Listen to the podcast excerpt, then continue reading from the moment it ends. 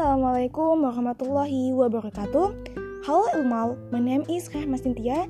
Ich bin in learning van kelas 11 IPS Man Insan Cendikia Lampung Timur.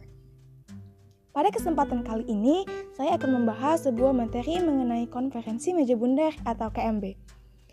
Sebelum saya jelaskan lebih mendalam dan lebih lanjut, kita harus tahu dulu, apa sih konferensi meja bundar itu?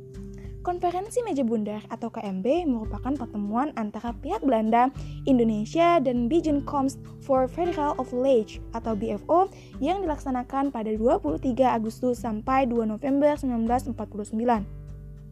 KMB yang digelar di Den Haag bertujuan untuk menyelesaikan masalah antara Indonesia dan pihak Belanda, yang mana kita ketahui bahwa pihak Belanda sudah pernah menjajah wilayah Indonesia ini berpuluh-puluh tahun lamanya. Nah, sejak 1942, Belanda menyerah kepada sekutu Jepang dan akhirnya Indonesia di bawah kekuasaan Jepang. Nah, namun Belanda kemudian datang kembali ke Indonesia dengan membonceng sekutu. Belanda ingin menguasai wilayah Indonesia kembali dan inilah yang menyebabkan terjadinya rangkaian peperangan dan perundingan yang pada akhirnya mencapai kesepakatan dalam KMB. Hal yang melatar belakangi dilaksanakannya KMB ini berawal pada tanggal 18 Desember tahun 1948 yang mana Belanda melanggar perjanjian Renville dengan melakukan agresi militer 2 yang mana sebelumnya Belanda juga pernah melancarkan agresi militer 1 yang melanggar perjanjian Linggarjati.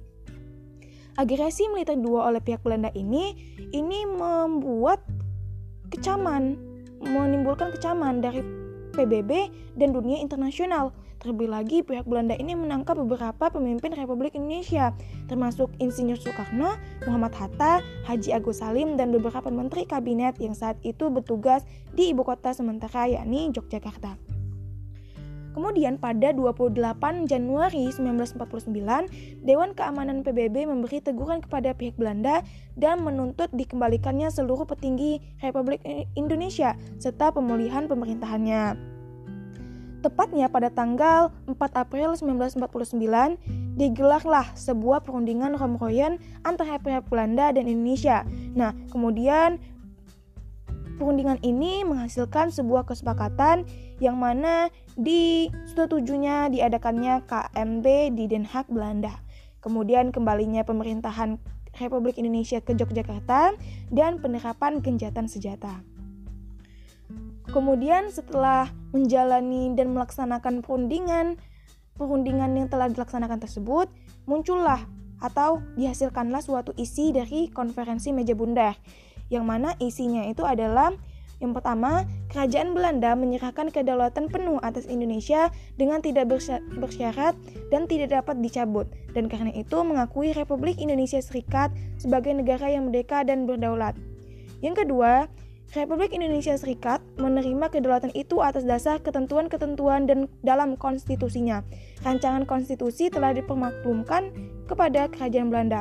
Kemudian yang ketiga, kedaulatan akan diserahkan selambat-lambatnya pada tanggal 30 Desember 1949. Dari panjangnya proses perundingan dan kemudian rumusan hasil dari konferensi meja bundar dan terdapat dampak dari konferensi meja bundar tersebut bagi Indonesia yang mana Indonesia akhirnya mendapat kedaulatannya. Nah, acara penyerahan kedaulatan berlangsung pada 27 Desember 1949 yang mana penandatanganan naskah penyerahan kedaulatan tersebut berlangsung di dua kota, yakni Amsterdam, Belanda dan Jakarta, Indonesia. Mungkin cukup sekian dari saya mengenai konferensi meja bundar.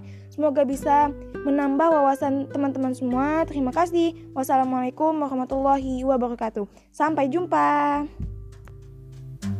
thank you